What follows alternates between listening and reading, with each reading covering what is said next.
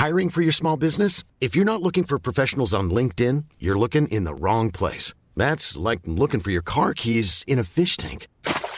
LinkedIn helps you hire professionals you can't find anywhere else, even those who aren't actively searching for a new job but might be open to the perfect role. In a given month, over 70% of LinkedIn users don't even visit other leading job sites. So start looking in the right place. With LinkedIn, you can hire professionals like a professional. Post your free job on linkedin.com slash people today.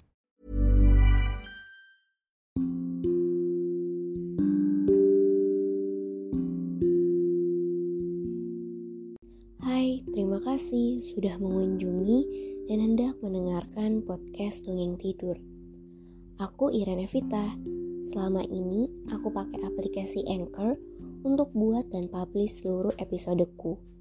Kalian juga bisa loh download dan pakai Anchor untuk buat podcast karena 100% gratis dan bisa didistribusikan ke Spotify dan platform podcast lainnya. Selamat mendengarkan Hiu Adudu. Semoga lekas tidur dan bermimpi indah.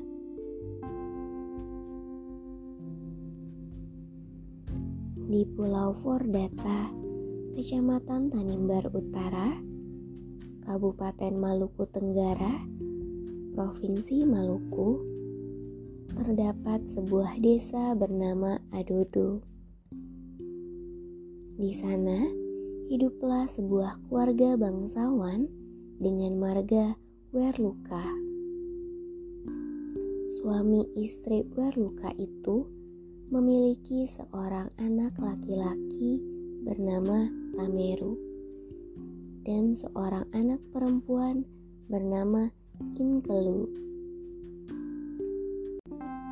Sesuai adat istiadat di desa Adudu, seorang anak perempuan bangsawan tidak boleh keluar rumah sampai ia berusia dewasa. Inkelu pun demikian. Terdapat rumor di desa bahwa Inkelu adalah gadis yang sangat cantik. Namun, belum ada satupun warga desa yang pernah melihat wajahnya selain keluarganya, dan para pelayannya. Hingga suatu hari, di usia Inkelu yang ke-15 tahun, ia mengajukan permohonan pada ayahnya. Ayah, aku ingin sekali pergi ke pantai. Bukankah aku sudah cukup dewasa untuk dapat keluar rumah. Rayu Inkelu. Apa yang kamu katakan Inkelu? Usiamu baru 15 tahun. Kau belum cukup dewasa untuk keluar rumah. Nanti saja saat usiamu 17 tahun. Ucap sang ibu. Tapi Kupikir Inkelu sudah dapat menjaga dirinya sendiri. Namun ingatlah Inkelu, kau tidak boleh keluar rumah sendirian. Kau harus pergi dan harus selalu ditemani para pelayan. Pesan sang ayah. Baik ayah, aku akan menjaga diri dan membawa para pelayan untuk menemaniku ke pantai. Janji Inkelu. Sebelum pergi, Inkelu berpesan pada ketujuh pelayannya untuk tidak lupa membawa bekal dan bakul-bakul kosong. Karena bakul-bakul kosong itu akan ia gunakan untuk wadah kepiting atau kerang-kerang yang akan ditangkapnya di laut. Setelah itu, mereka pergi ke pantai. Ingkelu sangat bahagia bisa keluar rumah, sehingga wajahnya berseri-seri. Inkelu berlarian menangkap kepiting dan kerang-kerang. Para pelayan pun tampak bahagia menemani Inkelu. Hingga tak terasa sudah penuhlah bakul itu dengan kepiting dan kerang-kerang. Wah, sepertinya kerang-kerang dan kepiting di sini sudah habis. Sebaiknya kita mencari tempat lain. Kalian pergilah ke timur, dan aku akan pergi ke barat. Ucap Inkelu pada para pelayannya. Tapi Tuan Putri tidak boleh pergi sendirian. Biarlah salah satu dari kami menemani Tuan Putri. Ucap salah seorang pelayannya. Sudahlah, aku sudah dewasa untuk bisa menjaga diri sendiri. Kalian tidak perlu mengkhawatirkan aku. Kalian bersenang-senanglah. Nanti setelah sore, kita berkumpul lagi di sini. Meskipun para pelayan itu tidak ingin meninggalkan tuannya, tapi mereka juga tidak dapat membantah keinginan Inkelu. Akhirnya, mereka melakukan sesuai perintah Inkelu dan membiarkannya bermain sendirian di barat. Sedangkan mereka di timur. Inkelu senang sekali bisa menikmati keindahan pantai sendirian tanpa ditemani para pelayan. Ia bisa berputar-putar, melompat-lompat, berteriak, dan tanpa terasa ia telah terpisah cukup jauh dengan para pelayannya. Kemudian, ia mencari tempat yang nyaman untuk beristirahat. Kebetulan, tak jauh dari tempatnya berdiri, ia melihat ada sebuah batu besar yang letaknya agak ke tengah laut. Inkelu pun pergi ke batu itu dan beristirahat di atas batu itu. Setelah seharian berlari dan membungkuk mencari kepiting dan kerang-kerang, tentu saja tubuh Inkelu terasa lelah. Berbaring di atas batu besar yang hangat terkena pancaran sinar matahari, membuatnya merasa nyaman.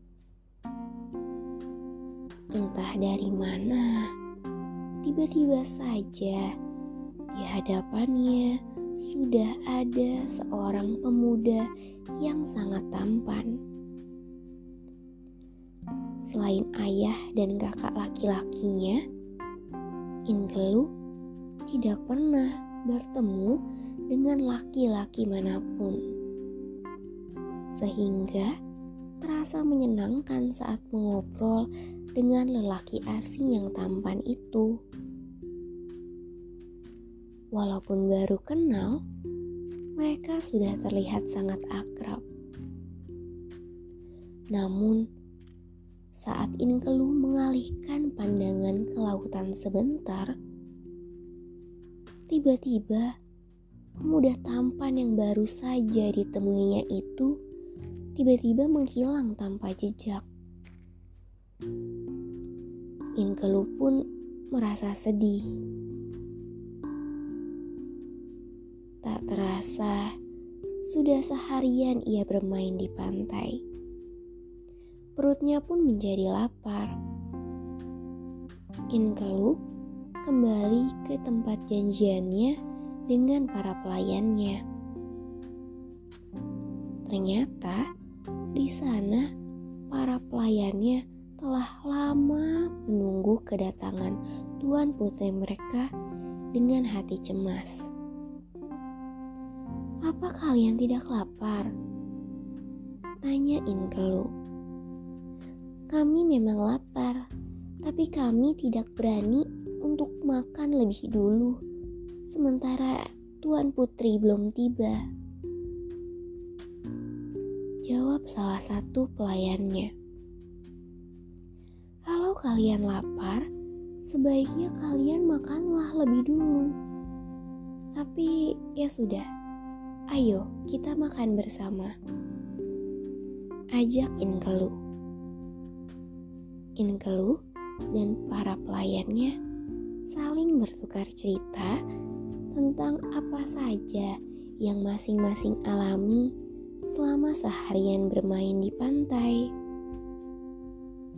Namun, Inkelu tidak pernah mengatakan pada siapa pun mengenai pertemuannya dengan pemuda tampan di pantai. Semenjak pertemuannya dengan pemuda asing tampan di pantai waktu itu, entah kenapa Inkelu merasakan ada yang aneh dalam tubuhnya. Meskipun demikian, ia tidak menceritakan kejadian yang dialaminya bersama pemuda asing itu pada siapa pun. Namun, sepulang dari pantai, semua orang sadar bahwa Inkelu semakin sering tampak murung dan lebih pendiam. Tentu saja orang tuanya pun mencoba bertanya. Tapi Inkelu lebih senang untuk bungkam. Karena merasa heran dengan tingkah laku putrinya yang tak kunjung membaik, bangsawan itu menanyakan pada pelayan Inkelu apa saja yang mereka tahu tentang kejadian di pantai waktu itu. Para pelayannya pun tak ada yang tahu menau penyebab perubahan sikap tuan putri mereka apa yang sebenarnya telah terjadi pada Tuan Putri Inkelu.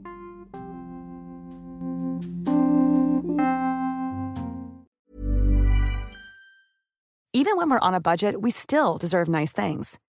Quince is a place to scoop up stunning high-end goods for 50 to 80% less than similar brands. They have buttery soft cashmere sweaters starting at $50, luxurious Italian leather bags, and so much more. Plus, Quince only works with factories that use safe, ethical, and responsible manufacturing. Get the high-end goods you'll love without the high price tag with Quince. Go to quince.com/style for free shipping and 365-day returns.